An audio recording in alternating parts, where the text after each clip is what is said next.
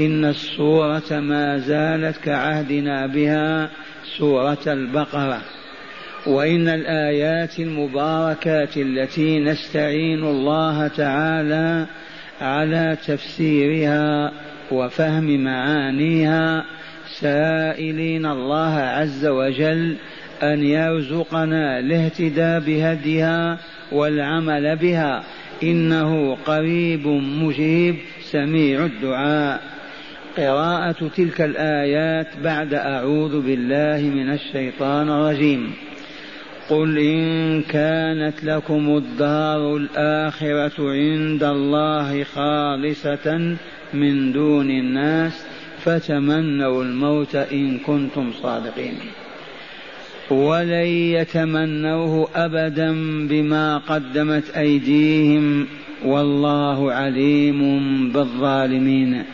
ولتجدنهم أحرص الناس على حياة. ومن الذين أشركوا يود أحدهم لو يعمر ألف سنة. وما هو بمزحزحه من العذاب أن يعمر. والله بصير بما يعملون. قل من كان عدوا لجبريل فإنه نزله على قلبك بإذن الله مصدقا لما بين يديه وهدى وبشرى للمؤمنين. من كان عدوا لله وملائكته ورسله وجبريل وميكائيل فإن الله عدو للكافرين. إلى آخر ما جاء في هذا السياق القرآني المبارك الكريم. معاشر المستمعين والمستمعات من المؤمنين والمؤمنات. بالأمس كنا مع ربنا تعالى وهو يقارع اليهود ويؤنبهم ويكشف الستار عنهم ويضعهم أمام ما تأهلوا له من الخزي والهون والدون. ولا بأس أن يؤنب أو يقرع أو يؤدب من يطغى ويتمرد ويفسق ويفجر وهذه سنة الله في الناس. أما قرع اليهود وأنبهم في الآيات السابقة الجواب بلى. ها نحن الآن مع قول ربنا جل وعز وهو يقول لنبيه ومصطفاه صلى الله عليه وسلم قل أي لليهود الذين يجادلون ويعاندون قل إن كانت لكم الدار الآخرة عند الله خالصة من دون الناس فتمنوا الموت إن كنتم صادقين. وهل هم ادعوا أن الآخرة لهم؟ إيه نعم. قالوا ما نحن في حاجة إلى هذا الدين وإلى هذا الرسول والكتاب. نحن شعب خصنا الله عز وجل بنعيم الجنة والدار الآخرة. فلسنا في حاجة إلى أن نؤمن بك ولا إلى أن نمشي وراءك وإلى أن نأخذ بكتابك وما جئت به من الدين. لسنا في حاجة إلى هذا. أما قالوا بالأمس قلوبنا غلف مملوءة بالعلم والمعرفة ما نحن في حاجة إلى ما تدعون إليه. وادعوا أنهم هم أهل الجنة. وأنهم إن دخلوا النار لا يبقون فيها أكثر من أربعين يوما. وهي مدة عبادتهم العجل. وقالوا لن تمسنا النار إلا أياما معدودات. وغرهم في دينهم ما كانوا يفترون. أحبارهم يكذبون ويلفقون ويكتبون ويهمشون على التوراة والعوام والمقلدون يقولون لن تمسنا النار أكثر من أربعين يوما. فلهذا إن فجرنا إن رابينا إن قتلنا الأنبياء إن عذبنا العلماء كل هذا مغفور لنا. نواخذ به مدة محدودة أربعين يوما ونعود إلى الجنة. فاسمعوا الرب تبارك وتعالى يقول لرسوله قل لهم إن كانت لكم الدار الآخرة ومعنى الدار الآخرة نعيم الدار الآخرة في دار السلام. إن كانت لكم لا لغيركم خالصة من دون الناس أبيضهم وأسودهم أولهم وآخرهم هيا. تمنوا الموت. هذا ما يسمى بالمباهلة. فتعالوا اسألوا الله تعالى أمامنا الموت. اللهم أمتنا يا ربنا لندخل الجنة دار السلام. سألوها صادقين قلوبكم توافق ألسنتكم. وانظروا فإنكم تموتون. والله ما استطاعوا. عاجزون. خافوا. لو وقفوا في صف واحد وقالوا أمام رسول الله اللهم إنا نسألك أن تتوفانا الآن. لنستريح من أعباء الدنيا وتكاليفها ومحنها وندخل الجنة. دار السلام. لو قالوها لما بقيت فيهم عين تطرف. وحدث هذا أيضا في هذا المسجد أيضا للنصارى ليتقرر عندنا أن اليهودية بدعة من البدع. والله ما جاء به كتاب ولا بعث بها رسول.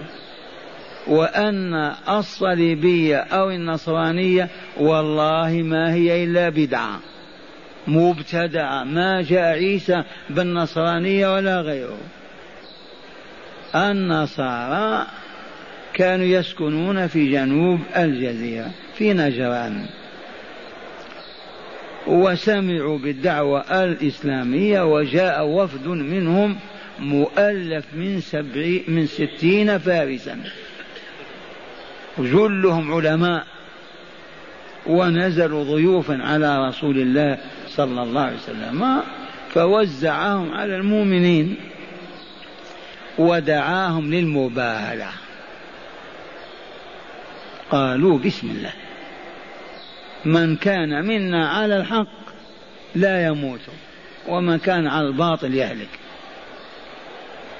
وبالفعل خرج رسول الله صلى الله عليه وسلم بفاطمة وراءه والحسنين إلى جنبه وخرج إلى المسجد. ما إن شاهدوا تلك الزمرة النورانية حتى انهاروا. وقالوا لا نباهل. وقال قائل والله لو باهلتم هؤلاء ما بقيت فيكم عين تطرف فذلوا وخضعوا لما ضرب عليهم الرسول صلى الله عليه وسلم من الجزية وعادوا إلى ديارهم. وهذا جاء من سورة آل عمران. إذ قال تعالى إن مثل عيسى عند الله كمثل آدم خلقه من تراب ثم قال له كن فيكون الحق من ربك فلا تكونن ممترين فمن حاجك فيه من بعد ما جاءك من العلم فقل تعالوا ندعو أبناءنا وأبناءكم ونساءنا ونساءكم ثم نبتهل فنجعل لعنة الله على الكاذبين. فخافوا كما خاف الآن اليهود وما استطاعوا المباهلة. فها تعالى يقول لرسوله صلى الله عليه وسلم قل إن كانت لكم الدار الآخرة أي الجنة خالصة من دون الناس فتمنوا الموت الآن موتوا تستريحوا لما الحصاد والزرع والتجارة والآلام والأمراض والأوجاع؟ وأنتم أهل الجنة من الآن. فتمنوا الموت إن كنتم صادقين. وسبقهم الله تعالى إلى ما في صدورهم إلى ما يريدونه فقال لرسوله ولن يتمناه بلان الزمخشرية إن شئتم. ولن يتمناه أبدا. لما؟ بما قدمت أيديهم.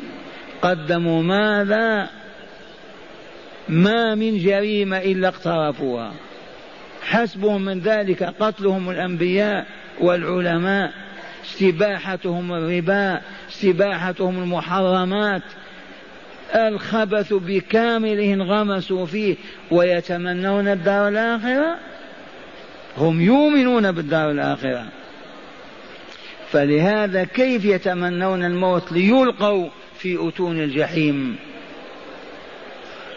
فأخبر تعالى بما يعلمه من قلوبهم ومن طبائعهم وما فطروا عليه ولن يتمنوا أبدا بما قدمت أيديهم. والله عليم بالظالمين. لا يخفى عليه من أمرهم شيء وهم ظالمون. فسجل عليهم الظلم ووالله إنهم لظالمون. بالأمس عرفنا معنى الظلم فهل نسينا حتى نعرف كيف ظلم اليهود أو لم يظلموا؟ الظلم وضع الشيء في غير موضعه.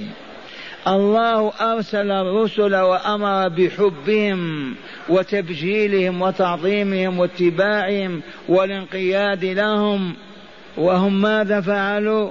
ذبحوهم كذبوهم قاتلوهم مكروا بهم. هذا ظلم وإلا عدل. أمر تعالى بطاعته وطاعة رسله ففسقوا عن طاعته وعن طاعة رسله. أي ظلم أفظع من هذا؟ وهم ظالمون والله عليم بهم. فلهذا لا يستطيعون ابدا أن يتمنوا الموت وأن يقول اللهم توفنا الآن. فانا أولياؤك عبيدك هم كانوا يدعون أنهم أولياء الله والبشرية كلها نجس وهم أقرب الناس إلى الله. فلهذا ترفعوا وسادوا وارتفعوا ولم يرضوا لأحد أن يدخل في دينهم. فأبطل الله فريتهم أبطل دعواهم ولن يتمنوا ابدا إلى يوم القيامة. هل جاء يوم الأيام تمنوا الموت؟ سألوهم الآن. ما هناك؟ من هو أجبن من اليهودي ما يقوى على الموت أبدا؟ لما؟ لما يعرف من مصيره المظلم لما يعرف أين ينزل بعد موته في الدركات السفلى من عذاب الله. ولن يتمنوه أبدا بسبب ماذا؟ بما قدمت أيديهم. ونحن أيها المستمعون والمستمعات ماذا قدمت أيدينا؟ أو نمشي مع بني إسرائيل فقط. ونحن إذا قدمنا الخير نثاب عليه وإلا لا؟ وإذا قدمنا الشر نجزى به وإلا لا؟ أو عندكم امتياز خاص؟ هاتوا. فيه عندكم وعود من الله عز وجل؟ صكوك أنكم إذا فسقتم فجرتم كذبتم ترابيتم سببتم شتمتم لا تواخذوا. فيه والله ما فيه ولهذا قالوا الدنيا مزرعة الآخرة. فمن زرع الآن البرتقال والرطب والعنب سوف يحصد ذلك يوم القيامة. ومن زرع الشوك والسدر وما إلى ذلك والحنظل سوف يجني ماذا؟ يجني ما زرع. فمن زرع اليوم الإيمان وصالح الأعمال سوف يحصد ذلك رضوان الرحمن وسكنان الجنان. ومن زرع الكذب والخيانة والكبر والحسد والتعالي والظلم والشر والفساد والله لن يحصد إلا مثيله. فلسنا بأشرف من اليهود أبدا. وقد عرفتم الحقيقة. نسبتنا إلى الله واحدة. عبيد إلى سيد. فكون بيضك وسودني قصرك وطولني أغناك وفق هذا لا قيمة له.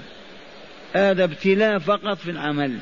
أما نسبتنا عبيد الله من أطاعوا سيدهم وخنعوا وخضعوا له وذلوا واستكانوا رفعهم ومن تكبروا عنه وتعالوا وحاربوا أذلهم وأهانهم. لا فرق بين أحد وأحد إلا بتقوى الله عز وجل. والرسول الكريم صلى الله عليه وسلم قرر هذه الحقيقة وعلمناها. ما هي ما هي لا فضل لعربي على عجمي ولا لأبيض على أسود إلا بالتقوى. إن أكرمكم عند الله أتقاكم. وقد قررنا وعرفنا زادنا الله معرفة. أيها السامعون هل تذكرون حكم الله في البشرية؟ متى صدر؟ وكيف صدر؟ ما نص هذا الحكم؟ راجعوا المحامين وأهل القانون يبينون لكم. هذا عندنا العجائز يعرفنا هذا الحكم. ما هذا الحكم؟ اسمع اسمعوا الله تعالى يحلف لكم لتطمئن نفوسكم وتسكن قلوبكم إلى صدق هذا الخبر. بسم الله الرحمن الرحيم.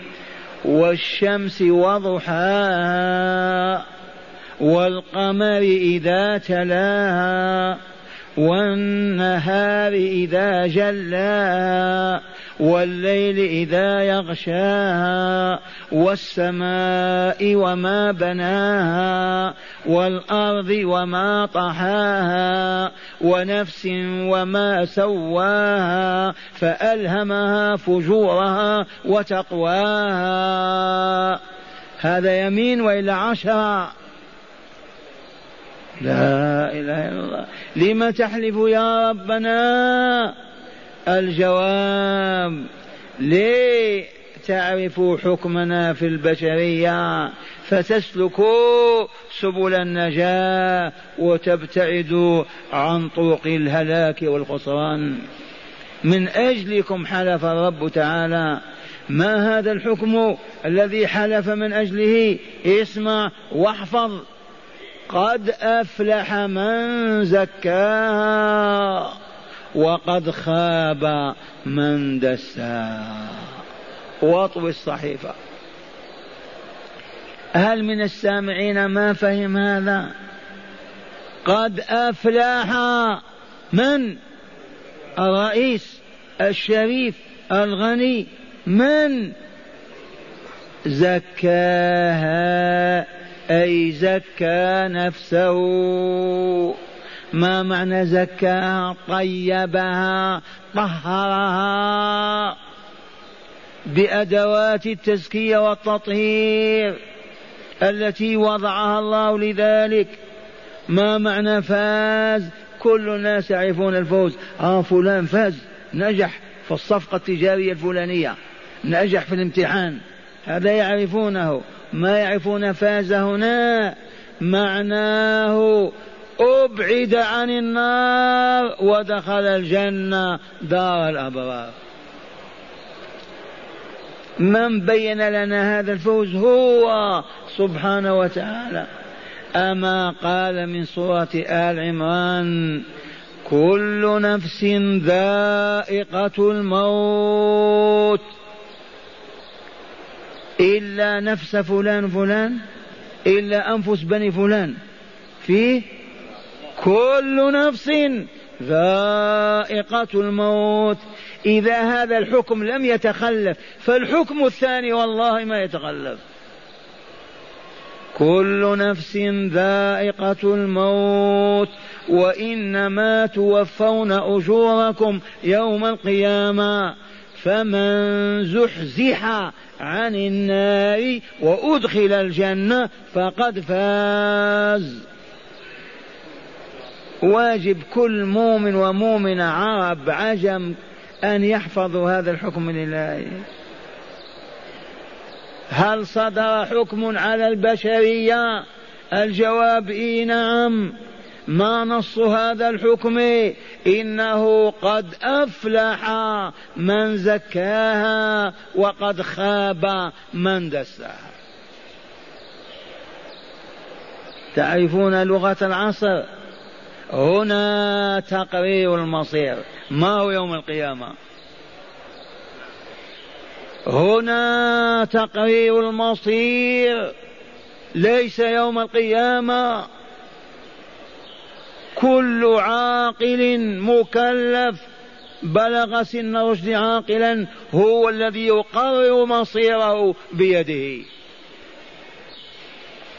صحيح وإلا لا؟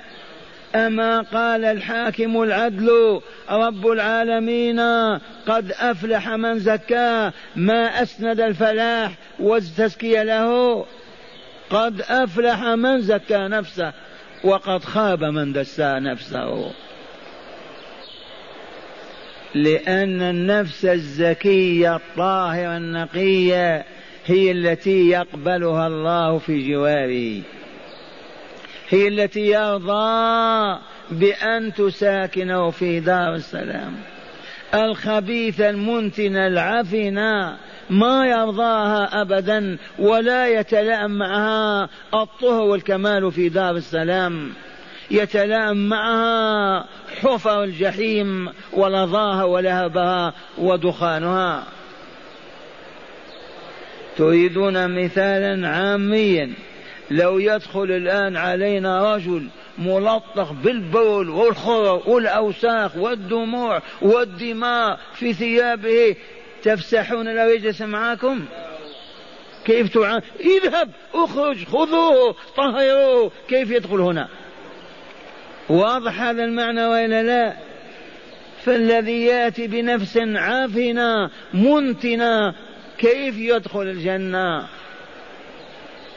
وقد قال تعالى إن الأبرار لفي نعيم وإن الفجار لفي جحيم. لما يا رب الأبرار في النعيم والفجار في الجحيم؟ الجواب الأبرار لبرورهم والفجار لفجورهم. الأبرار المطيعون زكوا أنفسهم وطهروها في الجنة والفجار فجروا عن تعاليم الله وفسقوا فلا لطخوا أرواحهم وخبثوها.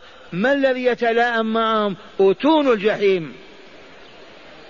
لا إله إلا الله.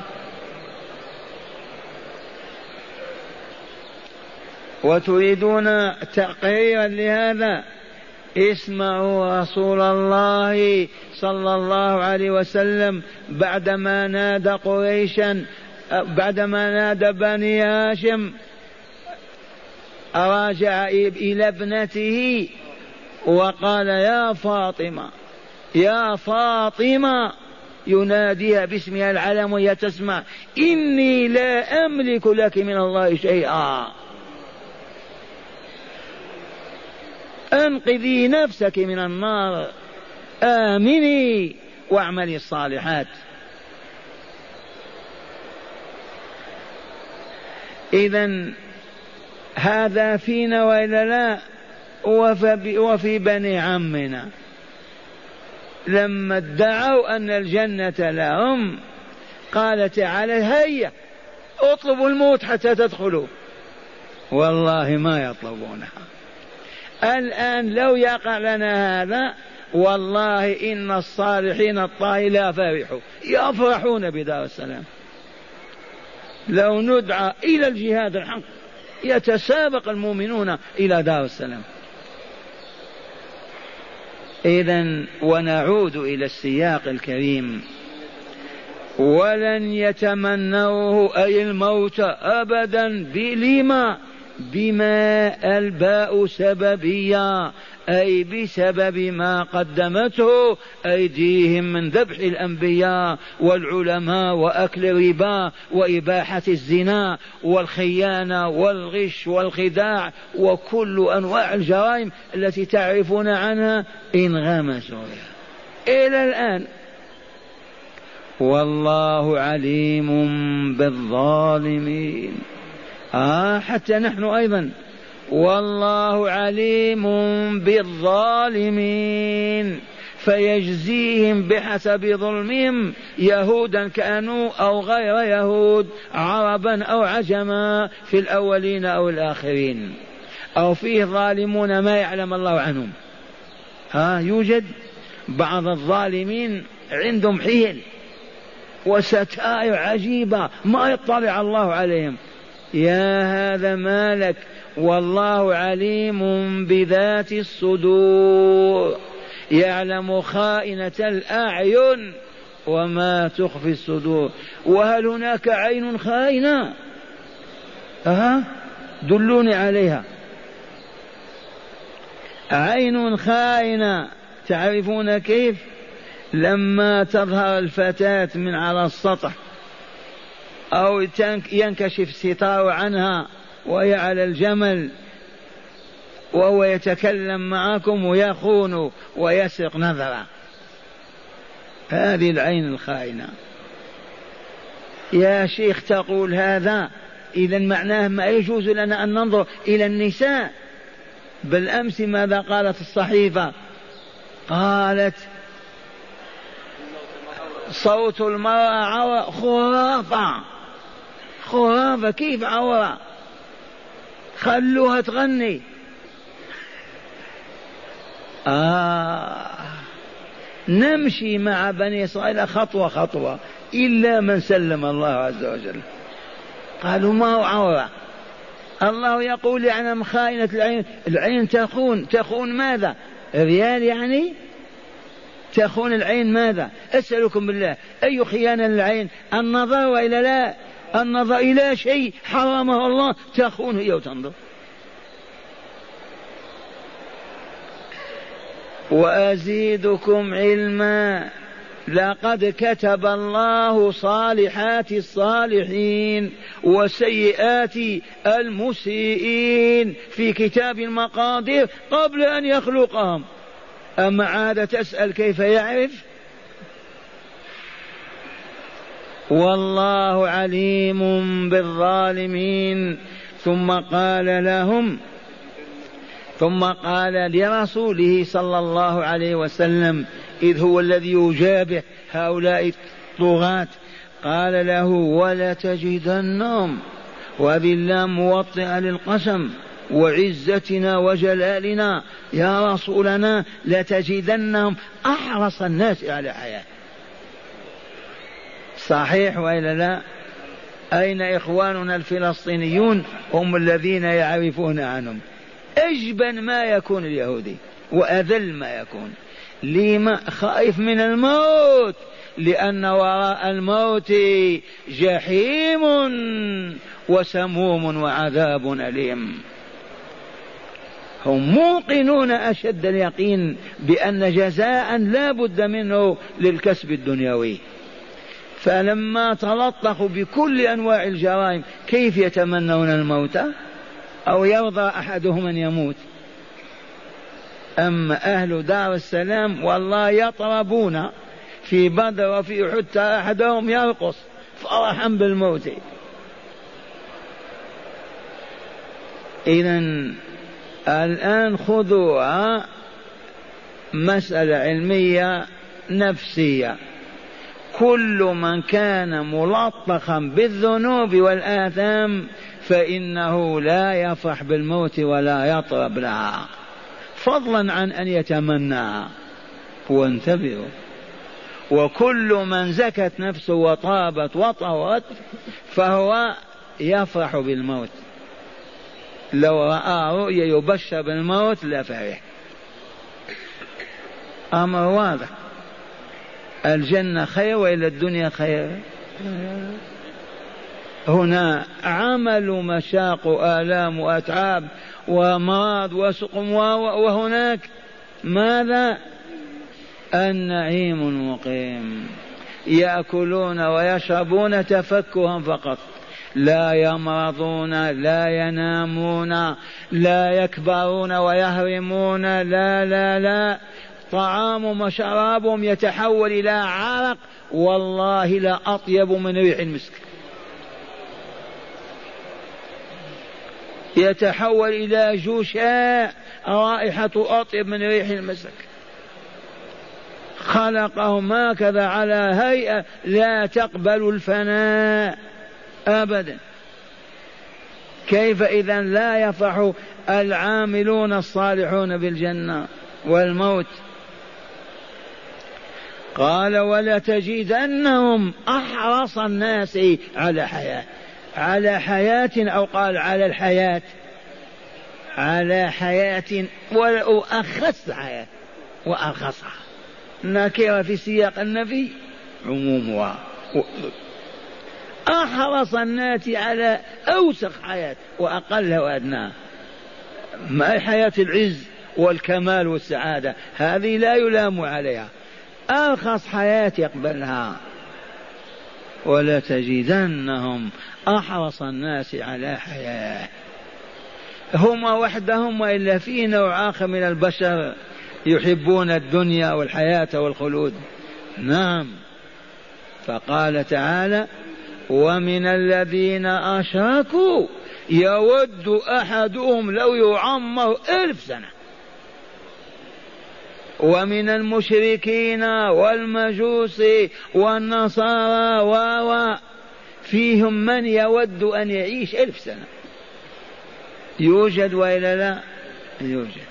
ممكن حتى بين المسلمين الضائعين يود أن يعيش مئة عام ثمانين سنة. ومن الذين أشركوا ما قال وكل المشركين لا. هذا هذا العليم العظيم. يعرف النفسيات والطباع يوجد من المشركين من يود أن يعيش ألف سنة. أما اليهود لا يريدون الموت أبدا. لا يتمنونه ولا يريدونه بحال من الأحوال. لما؟ لعلمهم بالمصير المظلم. الذي سيصيرون إليه بعد أخذ أرواحهم لأنهم يؤمنون بالبعث والجزاء والدار الآخرة. أما المشركون منهم من لا يؤمن بلقاء الله بالمرة. فلهذا يكره الموت يريد أن يعيش ألف سنة. قال تعالى وما هو بمزحزحه من العذاب أن يعمر. لو يعمر الإنسان مليون سنة ممكن ما يعذب لهذا العمر يعني ما ينفع. من الآن أحسن. وما هو بمزحزح تعرفون الزحزحة ولا لا؟ الإبعاد هكذا. وما هو بمزحزح من العذاب أن يعمر ألف سنة؟ لو عمر أحدهم ألف سنة هذا التعمير وهذا الطول في العمر يبعده عن النار؟ ما يبعد عن النار طول العمر ولا قصار العمر. يبعد عن النار زكاة النفس وطهارتها. فقط يا شيخ أنت تقول زكاة النفس ويزكي نفسه. دلنا يرحمك الله على أدوات التزكية هذه. وأين توجد وأين تباع؟ في أية صيدلية؟ هذا السؤال ضروري وإلا لا؟ للعقلاء الذين ما علموا. ما دامت القضية منوطة بتزكيتنا أنفسنا من فضلك دلنا على هذه الأدوات العقاقير التي نزكي بها أنفسنا. أو ما في عقاقير ولا أدوية. والله في والصيدلية معروفة. صيدلية الله ورسوله. قال الله قال رسوله الكتاب والسنة. تجد فيهما كل أدوات التزكية. من كلمة لا إله إلا الله إلى إماطة وإزالة أذى من طريق المؤمنين والمؤمنات. فكل عبادة من أعمال القلوب أو الألسن أو الجوارح كل عبادة هي عبارة عن أداة تزكية للنفس البشرية وتطهير. استعملها حسب الشروط التي وضعت لها. إذ لا بد من مراعاة الكيفية. لا تقدم ولا تؤخر. مراعاة الزمن. لا توقعها في غير زمانها مراعاة العدد لا تزيد ولا تنقص وإلا ما تنتج. أعظم أداة لتزكية النفس البشرية وتطهيرها ذكر الله.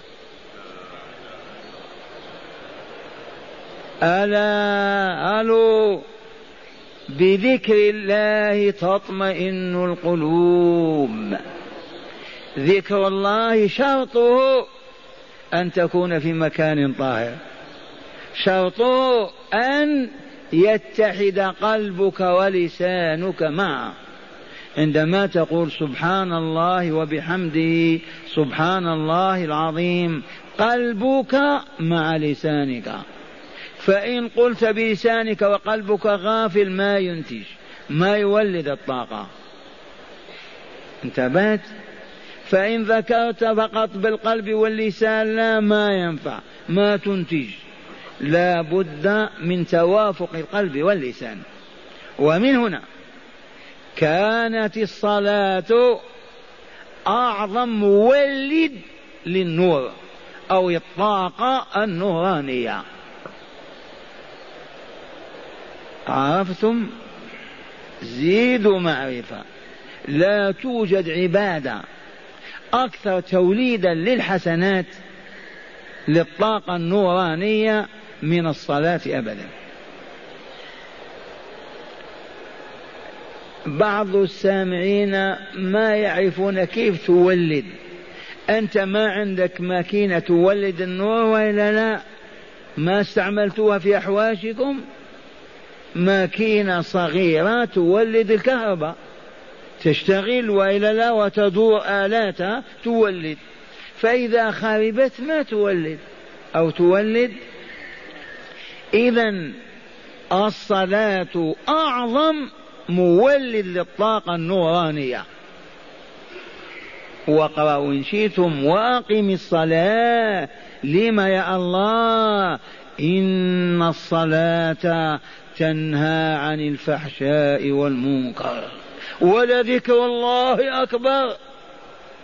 في توليد هذه الطاقة. إلا أن الصلاة لا تنتج نتاجها وتؤدي ثمارها إلا إذا استوفت شروطها. وقد بينا سابقا أن للصلاة شروطا. لا بد من استيفاء. الطهارة. أليس كذلك؟ طهارة المكان طهارة البدن طهارة الثياب. أنت تقف مع الله تتكلم معه وأنت نجس؟ لا لا لا. حرام هذا ما يجوز. تقف في مكان نجس وتناجي الله حرام هذا ما يصح. جسمك ملطخ بالقذاء والأذى وتكلم مع الله حرام هذا. يا عبد الله امشي تطهر. فالصلاة إذا كان لها وقت معين. مثلا صلاة العشاء كم بقي عليها؟ ثلث ساعة لو قلتم هيا نصلي الآن العشاء أو قمت أنت تصلي العشاء هل هذه الصلاة تولد لك النور؟ والله ما تولد حسنة. عملية فاشلة. لما؟ لأنها مشترط لها وقت تقع فيه وإلا ما أنتجت. الوقت ضروري وإلا لا؟ لأية عبادة مربوطة بوقتها؟ الحج عرفة تاسع الشهر وإلى عاشره. تاسع. لو اتفقت الأمة بزعامة ملوكها ورؤسائها أن الحج هذا العام يقع في المدينة. أحد أشرف من عرفات. ووقف الحجاج في أحد. هل يقال حج؟ يصح هذا الحج. لو قالوا هذا العام الجو كذا خلي نعمل الحج هذا العام في ها؟ في الشتاء. الحر شديد. ووقفوا في الشتاء. هل يقال حج؟ والله ما حج وهكذا كل عبادة وضعت للتزكية لتزكية النفس وتطهيرها بما تولده من الحسنات. لا بد وأن يراعى فيها أولا أن يكون شرعها الله لذلك. ولهذا مليون بدعة تنفق فيها مالك كله وتبدد طاقاتك وجودك كله. والله ما تولد جرام حسنة. توجد بدع ولا لا؟ ينفقون فيها المال يقضون فيها الوقت كذا ويخرجون لا يملكون حسنة. لما؟ لأن البدعة ما شرعها الله. والذي لم يشرعه الله من يوجد فيه المادة النورانية؟ من يقوى؟ أو ممكن؟ والله ما هو ممكن.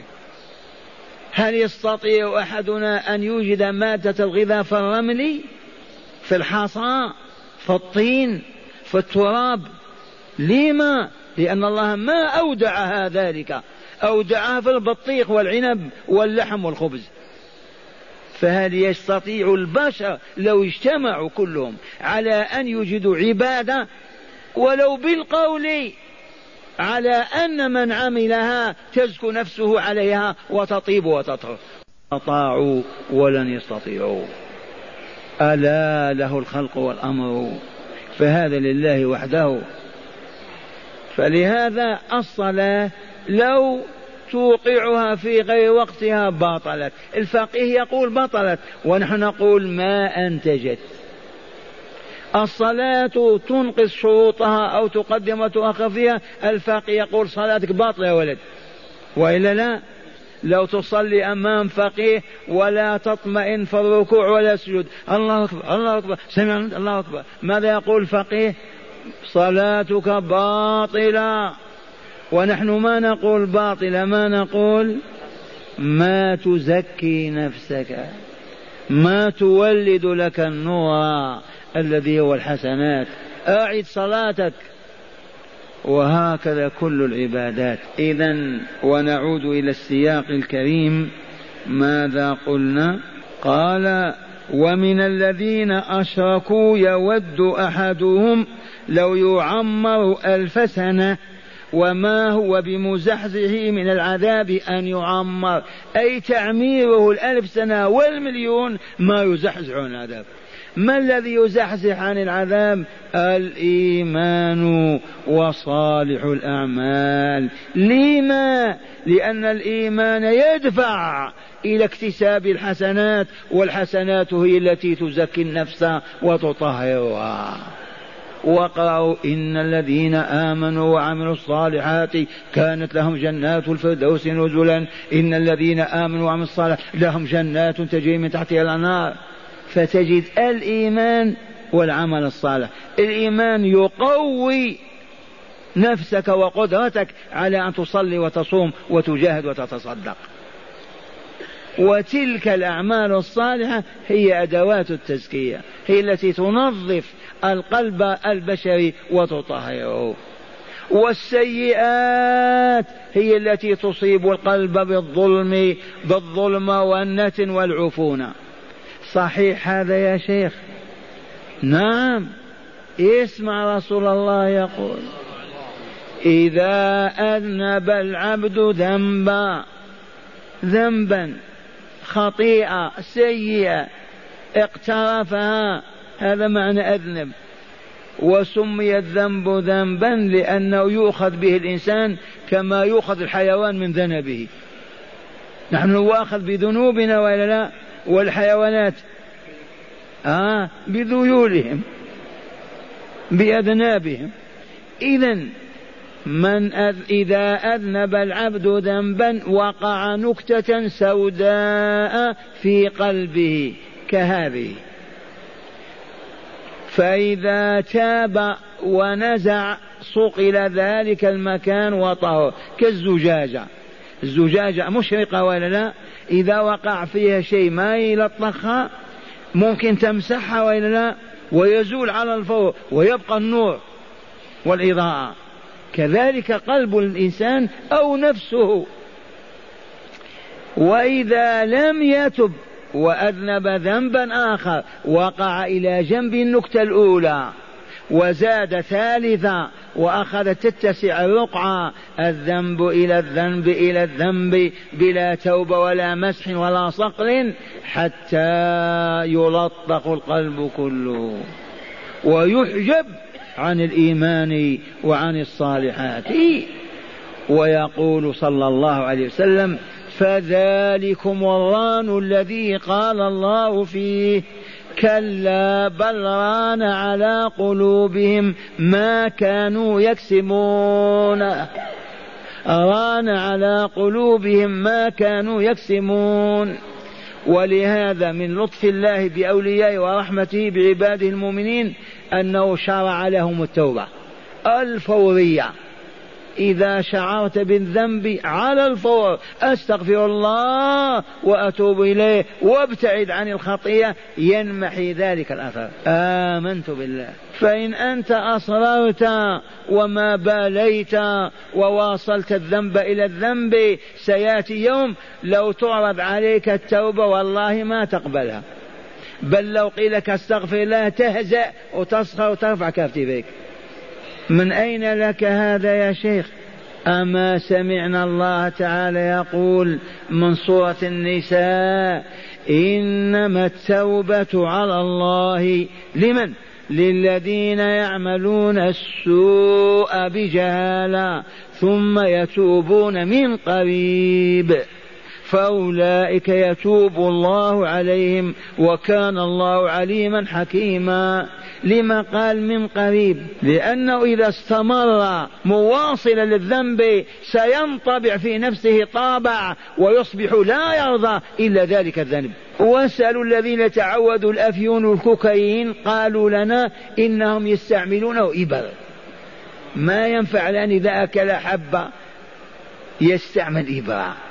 ما يستريح أبدا. والذي تعود اللواط تعود السرقة الخيانة هذا شأنه.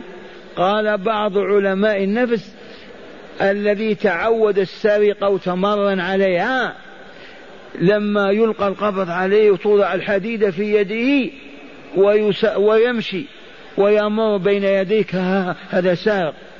أنت خائف وترتعد يا ويل وهو يفكر كيف يسرق مرة ثانية. لما يوصل للسجن ويفكوه بعد عام عامين كيف يسرق؟ انظر ماذا يفكر وأنت تفكر بالعكس.